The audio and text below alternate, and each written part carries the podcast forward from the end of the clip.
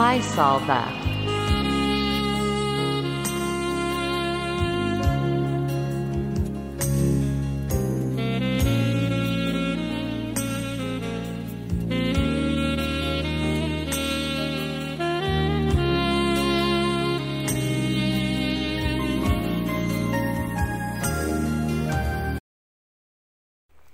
Hallelujah. Selamat pagi, selamat bertemu kembali Bapak Ibu Saudara pendengar setia. Puji Tuhan kita semua dalam keadaan sehat dan diberkati Tuhan. Hari ini kita akan kembali merenungkan firman Tuhan dengan tema kesucian hati. Dengan ayat firman Tuhan yang terambil dari Matius 5 ayat 8 yang berbunyi Berbahagialah orang yang suci hatinya karena mereka akan melihat Allah. Sebelum merenungkan firman Tuhan, mari kita berdoa. Allah Bapa di dalam surga, terima kasih Tuhan untuk kesempatan ini Engkau berikan kepada kami untuk mendengarkan sebagian daripada firman-Mu. Berikanlah hikmat-Mu kepada kami Tuhan, sehingga kami boleh memahami apa yang ingin Tuhan sampaikan melalui renungan ini. Dan terlebih dari itu, kami boleh melakukannya di dalam kehidupan kami. Terima kasih Bapa. Ini doa ucapan syukur kami. Di dalam nama Tuhan Yesus kami berdoa. Amin. Bapak, Ibu, Saudara pendengar yang saya kasihi. Menilai sesuatu yang kelihatan, apakah itu kotor atau bersih, adalah hal mudah untuk kita lakukan. Misalnya saja kita akan mudah melihat noda hitam di pakaian yang putih atau kita akan mudah membedakan tempat yang bersih bila di sekitarnya kotor. Namun hal ini tentu berbeda dengan sesuatu yang tidak kelihatan. Hati adalah sesuatu yang tidak kelihatan sehingga kita sulit untuk melihatnya bersih atau kotor. Firman Tuhan di dalam Matius 5 ayat 8 mengatakan, Berbahagialah orang yang suci hatinya, karena mereka akan melihat Allah. Kalimat mereka akan melihat Allah adalah suatu janji yang luar biasa dan menakjubkan. Karena ini tentu adalah kerinduan setiap orang Kristen. Kita menjadi pengikut Kristus, tentu kita memiliki keinginan dan kerinduan untuk bertemu dengan Dia yang kita ikuti. Hal inilah yang menggairahkan kita dalam kepengikutan kita kepada Kristus. Kita akan melihat Allah. Melihat Allah di dunia ini pada waktu kita masih hidup. Artinya, kita akan merasakan kehadiran Allah dan mengalami persekutuan yang indah dengan Allah. Rasul Paulus di dalam 1 Korintus 13 ayat 12 karena sekarang kita melihat dalam cermin suatu gambaran yang samar-samar tetapi nanti kita akan melihat muka dengan muka. Sekarang aku hanya mengenal dengan tidak sempurna, tetapi nanti aku akan mengenal dengan sempurna, seperti aku sendiri dikenal. Di dalam daging yang fana ini, dengan segala dosa-dosa kita, kita tidak dapat melihat Allah dan hidup. Akan tetapi pada hari itu, kita akan melihat Allah dan hidup dan kita akan melihat muka dengan muka. Di dalam Matius 5 ayat 8 ini ada sesuatu yang menarik karena menunjukkan sesuatu yang akan terjadi pada masa yang akan datang. Mereka akan melihat Allah. Di dalam ayat ini juga tampak jelas Tuhan memberikan syarat pada kita kita dapat melihat Allah dengan syarat kita harus memiliki hati yang suci. Itu artinya, bila kita tidak memiliki hati yang suci, maka keinginan melihat Allah hanyalah sebuah mimpi belaka tanpa pernah menjadi sebuah kenyataan. Oleh karena itu, tentunya sangat penting bagi kita bagaimana memiliki hati yang suci. Suci artinya sesuatu yang bersih sempurna tidak bercela, tidak berbintik, tidak kotor, tidak najis. Oleh karena itu hanya orang yang hatinya sempurna secara total berkomitmen kepada Allah akan melihat Allah. Hati di dalam firman Tuhan adalah kata lain untuk menggambarkan manusia yang paling dalam. Manusia batinia, bukan lahiriah. Manusia yang sebenarnya dan bukan apa yang tampak. Hati adalah diri kita yang sebenarnya di dalam dan bukan apa yang kita tunjukkan kepada orang lain di luar. Mungkin kita adalah seorang yang sangat tampak baik di luar tetapi bukan sebenarnya itu yang ada di dalam diri kita. Ketika kita di gereja, mungkin kita tampak paling baik, tapi di luar kita menyusahkan atau menyengsarakan orang lain, menyakiti istri, suami, anak-anak, teman kerja, dan saudara kita. Sering hati kita tidak murni sekalipun kita mengerjakan pekerjaan baik, pekerjaan gereja, menolong orang lain, karena kadang-kadang di dalamnya ada motivasi-motivasi lain. Artinya, kita melakukannya tidak murni bagi kemuliaan Allah. Kita mungkin rajin membaca Alkitab, rajin berdoa, rajin melayani Tuhan, memberi persembahan. Namun, apakah itu semua untuk kemuliaan atau untuk menyenangkan hati Tuhan? Ataukah untuk perasaan kita sendiri supaya puas dan kita merasa nyaman? Bila firman Tuhan berbicara tentang hati, maka ia berbicara tentang diri kita yang sebenarnya. Diri kita yang sebenarnya itulah yang harus diubah. Hati merupakan pusat kehidupan, sehingga hati yang suci merupakan sesuatu yang penting karena hal itu mempengaruhi seluruh kehidupan kita.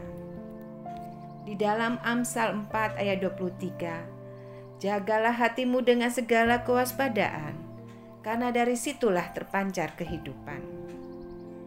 Dan di dalam Matius 15 ayat 18 sampai 19. Tetapi apa yang keluar dari mulut berasal dari hati, dan itulah yang menajiskan orang. Karena dari hati timbul segala pikiran jahat, pembunuhan, perzinahan, percabulan, pencurian, sumpah palsu, dan hujat. Kalau demikian, apa saja jenis kekotoran yang sering ada di dalam hati kita yang membuat kita menjadi tidak suci? Yang pertama adalah kemunafikan. Di dalam Matius 15 ayat 8 mengatakan, "Bangsa ini memuliakan aku dengan bibirnya, padahal hatinya jauh daripadaku." Kemunafikan adalah sesuatu yang tidak disukai Tuhan. Kita memuji Tuhan, tetapi di dalam hati kita masih ada iri hati, dengki, kebencian, kepahitan, yang semua itu tidak disukai oleh Tuhan. Yang kedua adalah motivasi-motivasi yang salah. Di dalam Matius 6 ayat 1 mengatakan, "Ingatlah, jangan kamu melakukan kewajiban agamamu di hadapan orang supaya dilihat mereka. Karena jika demikian, kamu tidak beroleh upah dari Bapamu yang di surga." Bila kita melakukan sesuatu, ada motivasi yang lain selain untuk kemuliaan Tuhan, sekalipun orang lain tidak mengetahuinya. Itu adalah sesuatu yang tidak berkenan kepada Tuhan. Dosa-dosa yang lain dapat kita lihat di dalam Markus 7 ayat 21 sampai 22. Tuhan Yesus memberitahu kita bahwa dari dalam, dari hati orang, timbul segala macam dosa dan kejahatan pikiran jahat, percabulan, pencurian, pembunuhan, perzinahan, keserakahan, kejahatan, kelicikan, hawa nafsu, iri hati, hujat, kesombongan, kekebal, kebebalan. Ini adalah satu daftar kejahatan yang panjang yang timbul dari dalam hati. Apakah jika begitu keadaan hati kita, kita masih memiliki harapan untuk melihat Allah? Tentu saja jawabannya tidak. Lalu bagaimana agar kita dapat melihat Allah seperti yang dijanjikan di dalam Matius 5 ayat 8 ini? Tentu hati kita harus diubah oleh Yesus. Hati kita yang lama digantikan dengan hati yang baru.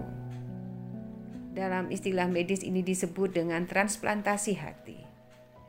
Di dalam Tuhan tentunya hati kita yang lama, yang kotor, yang penuh dengan hal-hal yang tidak baik yang dapat merusak manusia batiniah kita diangkat dan Tuhan menanamkan hati yang baru agar kita terus bisa hidup di dalam Tuhan. Kita meninggalkan manusia lama kita dan menjadi ciptaan baru. Jadi, bagaimana agar hati kita dapat disucikan? Bagaimana Allah memberikan hati kita suatu hati yang baru? Yang pertama, kita dibersihkan oleh darah Kristus. Di dalam Ibrani 9 ayat 14, betapa lebihnya darah Kristus yang oleh roh yang kekal telah mempersembahkan dirinya sendiri kepada Allah sebagai persembahan yang tak bercacat, akan menyucikan hati nurani kita dari perbuatan-perbuatan yang sia-sia, supaya kita dapat beribadah kepada Allah yang hidup. Yang kedua, Tuhan akan memperbaiki hati kita dengan firman-Nya. Di dalam Efesus 5 ayat 26, untuk menguduskannya sesudah ia menyucikannya dengan memandikannya dengan air dan firman. Kita dibersihkan dengan air dengan kuasa rohnya. Kita dibersihkan juga dengan kuasa firman-Nya. Yang ketiga, dibersihkan dengan iman. Di dalam kisah para rasul 15 ayat 9, dan ia sama sekali tidak mengadakan perbedaan antara kita dengan mereka sesudah ia menyucikan hati mereka oleh iman. Oleh iman Allah menyucikan hati kita. Namun di pihak kita kita harus juga memiliki iman. Mazmur 24 ayat 3 sampai 4 berbunyi demikian. Siapakah yang boleh naik ke atas gunung Tuhan? Siapakah yang boleh berdiri di tempatnya yang kudus? Orang yang bersih tangannya dan murni hatinya, yang tidak menyerahkan dirinya kepada penipuan dan yang tidak bersumpah palsu. Orang yang suci hatinya pasti sungguh-sungguh mengejar Kristus kita tidak akan mengejar dunia ini dan segala kepentingannya lagi. Tetapi yang kita kejar hanya agar kita hidup berkenan di hadapan Tuhan. Kita akan terus melakukan bagaimana supaya menyenangkan hati Tuhan. Kiranya kita semua pendengar renungan ini menjadi ciptaan baru, memiliki hati yang suci, sehingga kita dapat melihat Allah. Amin.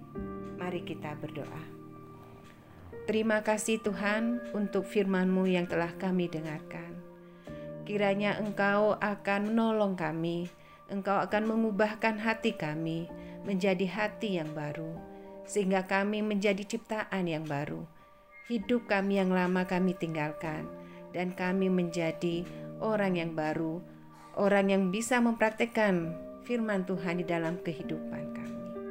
Terima kasih Tuhan, kami rindu untuk melihat Allah di dalam kehidupan kami.